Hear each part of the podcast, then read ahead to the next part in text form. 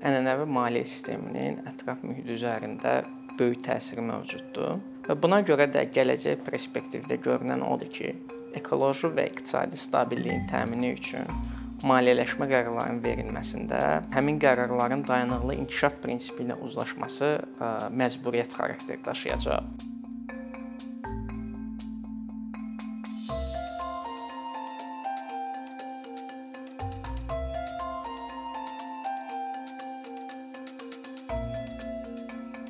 Son dövrlər texnologiyanın və sənayeleşmənin bu dərəcədə sürətli inkişafı planetimizi ciddi ekoloji risklərlə üz-üzə qoyub və vaxtında lazımi tədbirlər görülməzsə, indiki və gələcək nəsillər üçün müəyyən fəsadlar yarada bilər.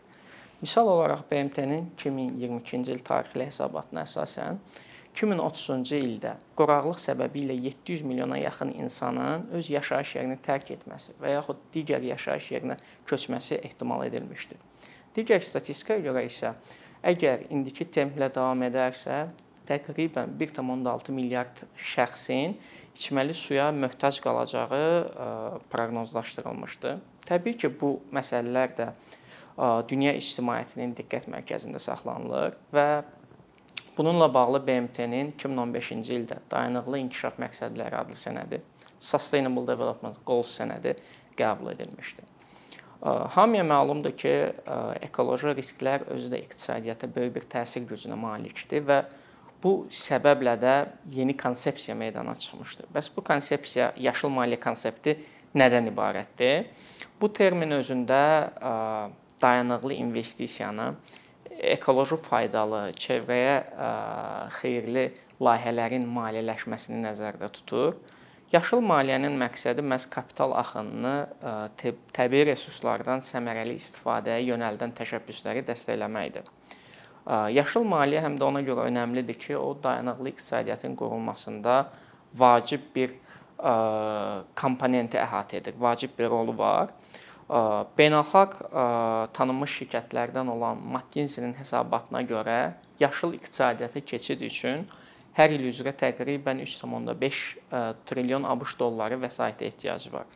Və təəssüflər olsun ki, e, bu vəsaiti təkcə dövlət vəsaitləri hesabına e, əmələ gətirmək, formalaşdırmaq mümkün deyil. Ona görə də bu sahədə beynəlxalq təşkilatların, böyük korporasiyaların rolu böyükdür. Biz qlobalda böyük şirkətlər, beynəlxalq təşkilatlar tərəfindən bu meylləri izləyirik və müşahidə eləyirik. Məlumdur ki, ənənəvi maliyyə sisteminin ətraf mühit üzərində böyük təsiri mövcuddur. Və buna görə də gələcək perspektivdə görünən odur ki, ekoloji və iqtisadi stabilliyin təmini üçün maliyyələşmə qərarlarının verilməsində həmin qərarların dayanıqlı inkişaf prinsipi ilə uzlaşması məcburiyyət xarakteri daşıyacaq. Əslində maliyyə institutları özü də yaşıl maliyyə keçiddə maraqlıdırlar və maraqlı olmalıdırlar. Səbəb isə ondan ibarətdir ki, ekoloji hadisələr, ekoloji fəlakətlər maliyyə institutlarının özünə də birbaşa və dolayı yolla təsir eləyir. Belə ki,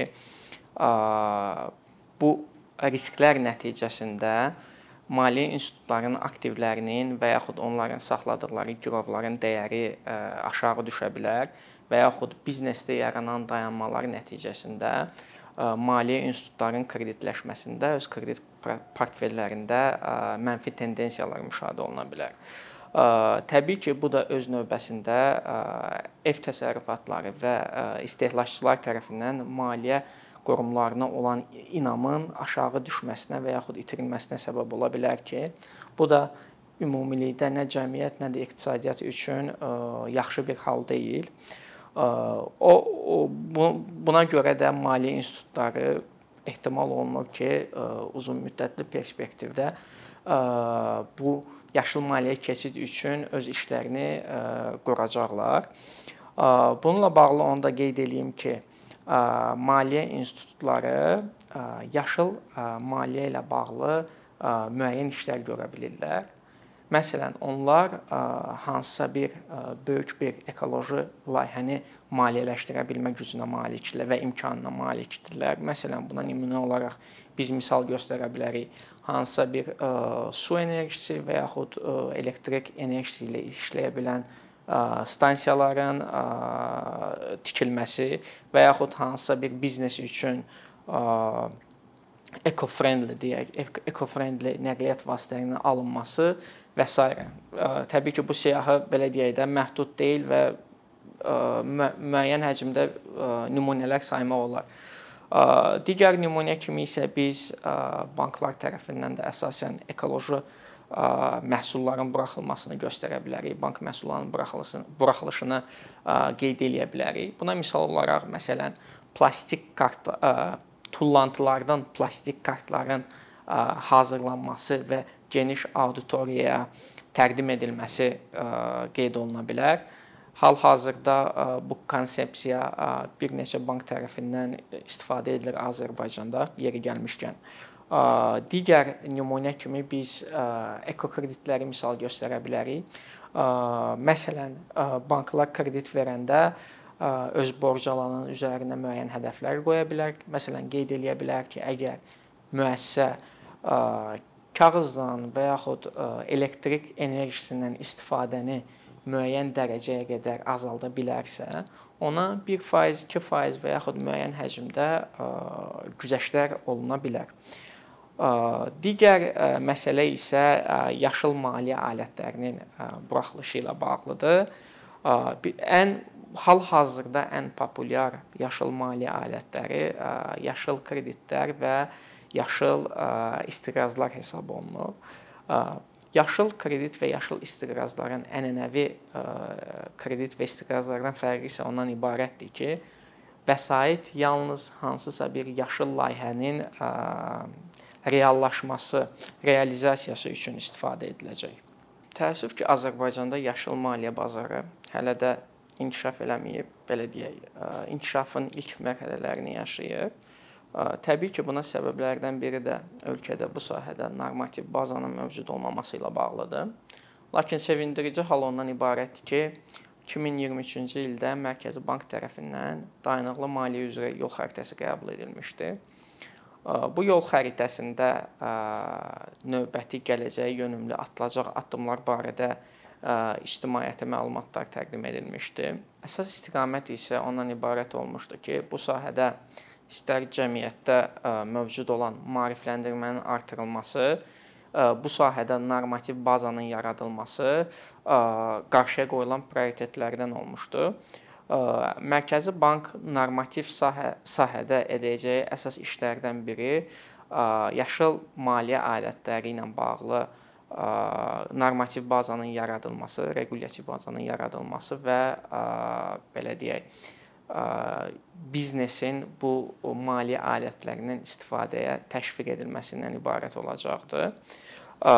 Bununla bağlı ilk olaraq yaşıl layihə dedikdə hansı layihələr vəsait cəlb eləyə biləcək? Yaşıl layihələrin siyasi müəyyən edilməsi gözlənilir. Bundan əlavə olaraq daxil olacağın, daxil olacaq vəsaitin hansı ne, necə idarə olunması ilə bağlı normaların qanunvericiliyə daxil edilməsi gözlənilir. Daha növbəti məsələ isə bu maliyyə vəsaitlərin ictimaiyyət qarşısında hesabatlığın təmin edilməsi ilə bağlı olacaqdır. Digər istiqamətdə isə maliyyə institutları üçün ekoloji risklərin, onların kredit siyasətinə və yaxud risklərin ümumilikdə risklərin idarə edilməsi çərçivəsinə salınması gözlənilir ki, bu da öz növbəsində bizneslər tərəfindən istər kredit verərkən, istər öz investisiya qərarlarının atılmasında həmin qərarların dayanıqlı inkişaf prinsipləri ilə uzlaşmasına gətirib çıxaracaqdır. Thank